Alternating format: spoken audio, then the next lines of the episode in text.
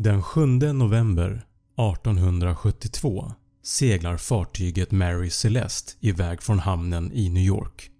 Fartyget skulle segla till Italien. Ombord på Mary Celeste fanns kaptenen Benjamin S. Briggs, hans fru Sarah och deras tvååriga dotter Sofia, men även 7-8 stycken i besättningen. Ungefär en månad senare, den 5 december, seglar ett brittiskt fartyg vid namn Dei Gratia ungefär 64-74 mil öst från den portugisiska ögruppen Azorerna. Besättningen på Dei Gratia får syn på ett fartyg ungefär 10 km ifrån dem. Fartyget betedde sig märkligt. Det verkade segla oregelbundet, som att ingen ombord styrde. De kunde inte heller se någon ombord på däck, vilket var väldigt märkligt. Kaptenen av De Gratia, David Morehouse misstänkte att något måste vara fel och skickade tre av sina män för att åka dit för att undersöka.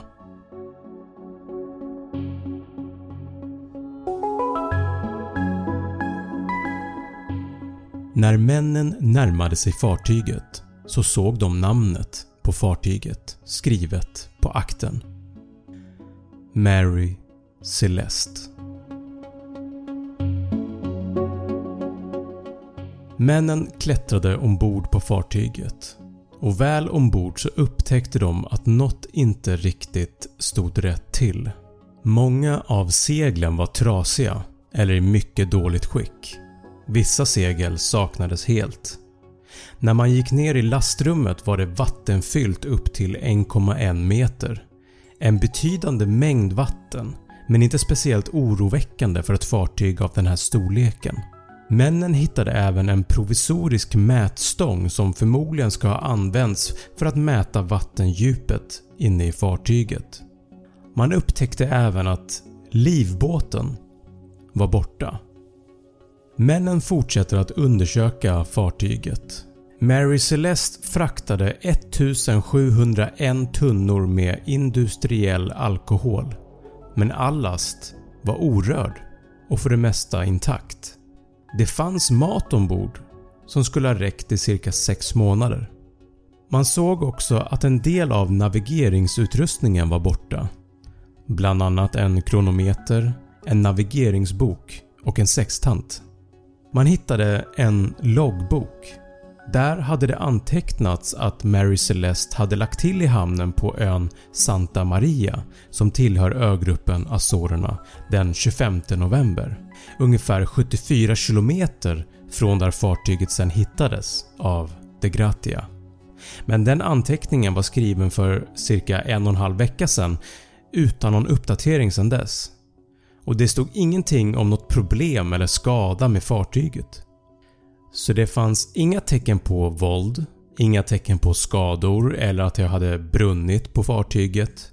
Förutom att det var lite blött här och där så var ändå fartyget i ett relativt bra skick. Besättningens och kaptenens personliga ägodelar och värdesaker var även kvar på fartyget. Det var som att alla hade bara övergett fartyget. Men varför?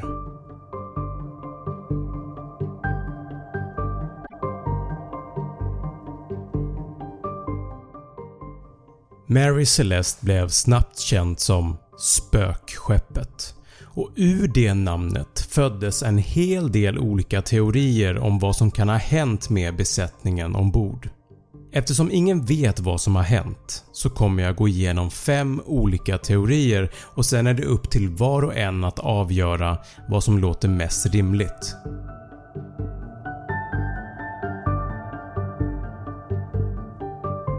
De teorier som jag tänkte gå igenom är myteri, pirater, vattentromb, utomjordingar och jättebläckfisk. Om vi tittar på den första teorin, myteri. Vad betyder det? Myteri innebär att till exempel besättningar på ett fartyg vägrar lyda befälhavarens order. I vissa fall kan det här leda till uppror och att besättningen blir då våldsamma. Enligt den här teorin så ska besättningen blivit berusade av alkoholen ombord, blivit våldsamma och sen dödat kaptenen Briggs och hans familj. Men det finns några problem med den här teorin. För det första så var kaptenen Briggs känd som att vara en mycket bra kapten som hade ett gott rykte om att alltid behandla sin besättning bra och rättvist. För det andra så var alkoholen ombord industriell alkohol, även kallat denaturerad alkohol. Det är alkohol som är odrickbar. Man har lagt till olika kemikalier för att göra att den smakar dåligt eller till och med är giftig. Det här är för att alkoholen ska användas i andra produkter som inte är tänkta att konsumeras. Till exempel i dagens samhälle så finns det här i handsprit. Därav är det svårt att tänka sig att besättningen skulle tvinga i sig en alkohol som inte är lämplig att dricka och därmed riskera sin egna hälsa. Och för det tredje, om nu besättningen mördade kaptenen och hans familj, varför skulle då allihop överge fartyget mitt ute i havet i en liten livbåt? Det går inte ihop.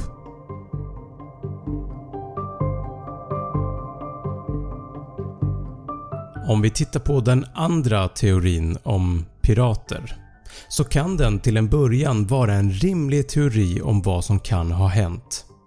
Området där Mary Celeste hittades var känt för att ha nordafrikanska pirater. Så det kan ju ha varit så att ett gäng pirater attackerade Mary Celeste och dödade alla ombord.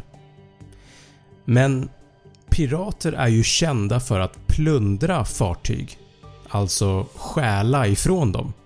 Men Mary Celeste hade ju all last kvar samt alla värdesaker från besättningen var fortfarande kvar när fartyget hittades. Den här teorin blir också osannolik eftersom man har svårt att tänka sig att pirater skulle mörda en hel besättning i onödan utan att få någonting för det. Vissa hävdar att det kan ha varit så att besättningen ombord på De Gratia har någonting med saken att göra Kanske var det de som attackerade Mary Celeste, dödade alla ombord och låtsades att hitta fartyget tomt och på drift så att de kunde tjäna pengar på lasten och sen försäljningen av fartyget. Det tåls att tänka på.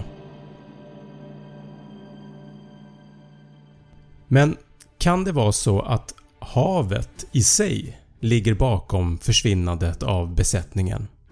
Jag menar, det är ju inte konstigt att det uppstår naturkatastrofer ute på havet.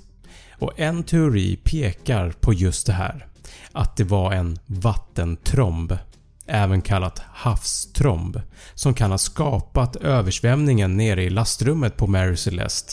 Sen kan besättningen ha använt den provisoriska mätstången för att mäta vattenmassan och förmodligen trott att det skulle fortsätta att stiga och att fartyget skulle sjunka. Därav så flydde alla fartyget via livbåten. Det skulle i så fall förklara varför det var så blött överallt inne i fartyget.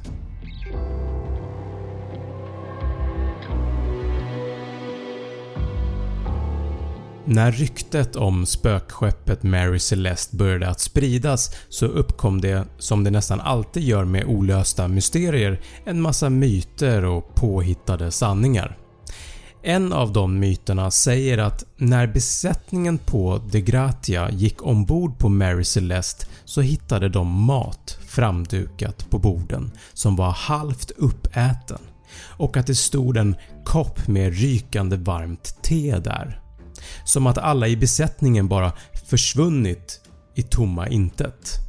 Som att ett utomjordiskt skepp flugit över fartyget och sugit upp alla i besättningen. Det här är ju såklart falska efterhandskonstruktioner. Det stämmer inte att någon måltid eller te stod framme. Så den här teorin kan vi nog stryka direkt. Livbåten var ju trots allt borta.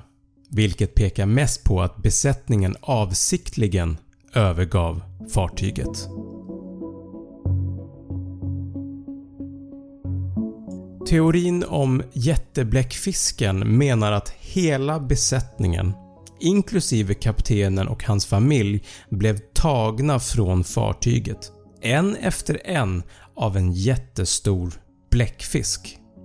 Även om det finns väldigt stora bläckfiskar i våra hav, till exempel jättebläckfisken som kan bli mellan 15 till 17 meter lång eller kolossbläckfisken som kan bli cirka 14 meter lång så är det ändå väldigt osannolikt att en bläckfisk skulle ha den mentala intelligens som krävs som gör att den förstår hur den ska plocka besättningsmedlemmarna en och en från fartyget.